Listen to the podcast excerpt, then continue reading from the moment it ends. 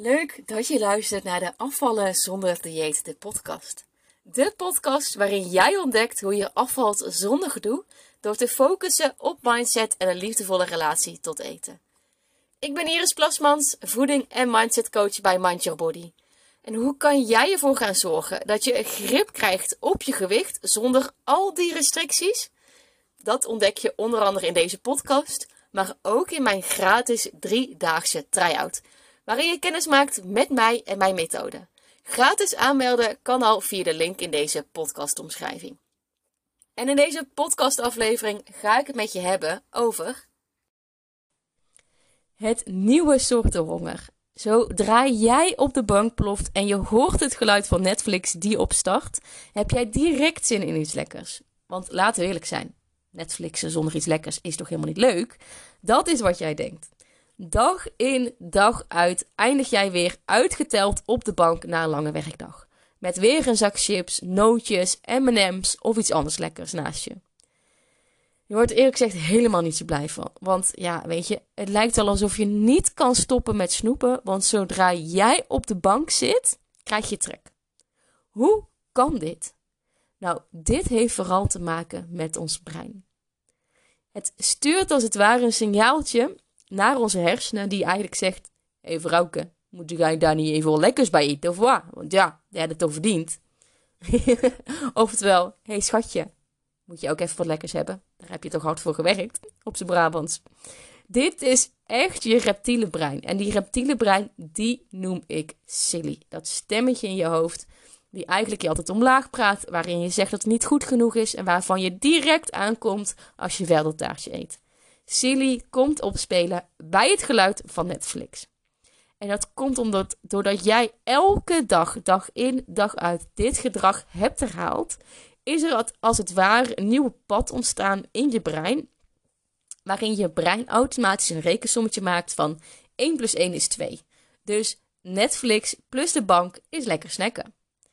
En daar is eigenlijk in de basis niet per se iets heel erg mis mee. Totdat dat patroon gaat zorgen voor extra kilo's of dat je je uh, ten koste gaat van je gezondheid. Want al die suikers die je binnenkrijgt, weet je, um, ik hoef niet onder bank of, uh, bank of stoelen te schuiven wat de gevolgen daarvan zijn. Want we balen ontzettend veel van onszelf. Weet je, elke avond weer opnieuw hetzelfde riedeltje, hetzelfde verhaal. En het lijkt wel alsof jij niet meer zonder kan dat een leven zonder snacks voor de Netflix, dat dat helemaal niet gezellig is en helemaal niet leuk. Want ja, dat snoepen zorgt er wel voor extra kilo's die je bent aangekomen. En waarom zit je daarom nu niet zo lekker in je vel? Wat we dan zeggen tegen onszelf is: ja, weet je, we gaan gewoon niet meer snoepen tijdens de tv kijken. Het is klaar, ik haal het gewoon niet meer in huis. Weet je, probleem opgelost. Maar dan ga je voorbij de, werking van je brein. Want zodra jij de tune van Netflix hoort, voel jij je super ongemakkelijk en onrustig. En ja, dat is dit brein, dat is Silly die weer komt opspelen. En dan krijg je dus de zogeheten Netflix-honger. En dat is echt iets van de laatste jaren. En dat noem ik dus ook wel de nieuwe honger. Maar als je tegen jezelf zegt: Ik haal niks meer lekkers in huis voor bij de tv, dan komt dat nieuwe honger alsnog opspelen. En dan blijft het dus mega onrustig in je lichaam en in je koppie. Maar wist je dat er wel meer dan 20 soorten hongergevoels bestaan? Ja, meer dan je denkt. Ik zal er een paar noemen. Nou, de eerste, dat is een wel algemene bekende hongergevoel dat is fysieke honger. Dus dat je echt een rambelende maag hebt en dat je denkt, oh, ik moet nu echt wat eten. Maar je hebt ook ooghonger. Dus eigenlijk als je bijvoorbeeld een lekker recept voorbij ziet komen, als je bijvoorbeeld heel Holland bakt aan het kijken bent, ik krijg dan al gelijk honger, ehm, dan krijg je gelijk zin in een lekkere taart.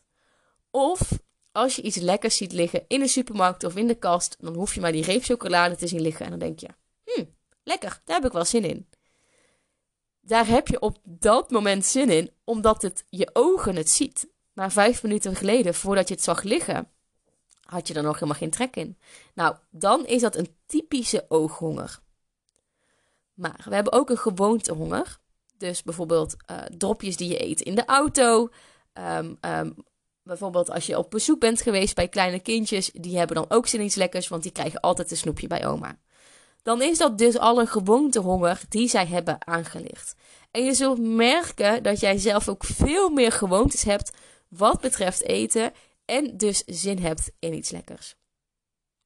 Maar je hebt bijvoorbeeld ook neushonger. Dus als je zin hebt uh, in iets lekkers omdat je langs de bakken loopt en je, je ruikt die lekkere croissantjes. Of als je door de uh, um, tankstation gaat, dan heb je ook al uh, neushonger door al die geuren die op je afkomen van die snoepstraat en alle afgebakken broodjes. Wat een honger is die we heel snel vergeten en niet helemaal herkennen, is vermoeidheidshonger. Je herkent het wel, is dat je heel moe bent en dat je daardoor gaat snijden of honger hebt. Maar we weten daar heel snel niet mee om te gaan. En daarom gaan we dus snoepen. Nou ja, voor veel honger is ook zo'n typische honger. Weet je, je weet even niks te doen. Je hebt even geen prikkels. Je bent bore-out. Je hebt geen nieuwe uitdagingen op werk of thuis. En uh, daardoor verveel je eigenlijk heel erg. En als laatste is echt die hongerklap. Waarvan je denkt, ik moet nu eten, want anders ga ik echt oud. Dan ga ik van mijn stokje. Nou, dat zijn een aantal voorbeelden, maar er zijn er nog nou ja, meer dan twintig verschillende soorten honger. Het heeft voornamelijk te maken dus met onze functie van onze hersenen, maar ook met onze, uh, hoe noem je dat? Uh, hoor, ruiken, voelen, proeven. Met onze, nou, ik ben de naam gewoon even kwijt. Nou ja, Ehm, zintuigen. Zo, die moest van ver komen. Het heeft voornamelijk te maken met onze zintuigen. En voor je het door hebt, als die zintuigen worden geprikkeld, zit jij weer met de koekjestrommel helemaal leeg, opgegeten, op schoot. Super vervelend en super irritant. Maar hier kun je dus wel wat aan gaan doen. Maar daarvoor heb je dus eerst de verschillende soorten honger te leren kennen en herkennen. Zodat je, als je ze herkent, dat je ook de juiste invulling kan geven. Nou, en hoe ga je nu hiermee om? Want fysieke honger is wat eigenlijk makkelijker op te lossen. Dan, hè, weet je, het is gewoon een kwestie van meer eten of je calorieën verdelen op een dag en daarna opgelost. Maar zo simpel is het dus niet met die nieuwe honger van tegenwoordig. Het heeft voornamelijk dus te maken met je functie van je hersenen. Met de paden die je hebt aangelegd gedurende de afgelopen tijd. Het ontzeggen met strenge eetregels gaat je daarbij dus vooral niet helpen. Want dan komt je brein alleen maar harder in opstand. Dan gaat het lopen protesteren, dan gaat het lopen ploeteren. En dan ga je zeggen tegen jezelf: Ja, hé, vrouwke, je moet echt wel even wat lekkers pakken, want het hebben verdiend. Weet je, ons brein is tegelijkertijd een vloek en een zegen. Want het gaat altijd dingen recht lopen praten. Het gaat altijd tegen onszelf zeggen: Weet je, dat heb je wel verdiend, doe maar, het kan nu geen kwaad. Daarentegen ga je dus heel streng zijn voor jezelf, want je wilt niet luisteren naar dat stemmetje, maar dat werkt alleen maar averechts. Het heeft dus voornamelijk te maken met onze nieuwe denkwijze, gedragsveranderingen en door het ongemak heen gaan op een liefdevolle manier om die nieuwe hongersoorten op een juiste manier te weten invullen. Maar wat er heel vaak gebeurt, is dat we dan schieten in frustratie. We balen ontzettend van onszelf dat het weer niet is gelukt om die zak, chips te laten liggen terwijl we uh, in het niet, net, Netflix zaten in het weekend. En weet je, het ging afgelopen week zo goed. En dan nu, weet je, we zitten eindelijk vrijdagavond op de bank. Dan moet het weer compleet misgaan. Weet je, potverdikke me, daar gaan we weer.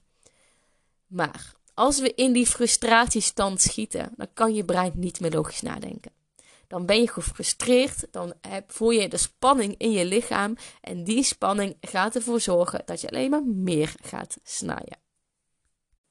En vervolgens raken we in paniek en gaan we dus weer op zoek naar een nieuw quick fix methode. Ontzeggen we alle lekkere dingen in, in huis. Gaan we ervoor zorgen dat we het niet meer hebben.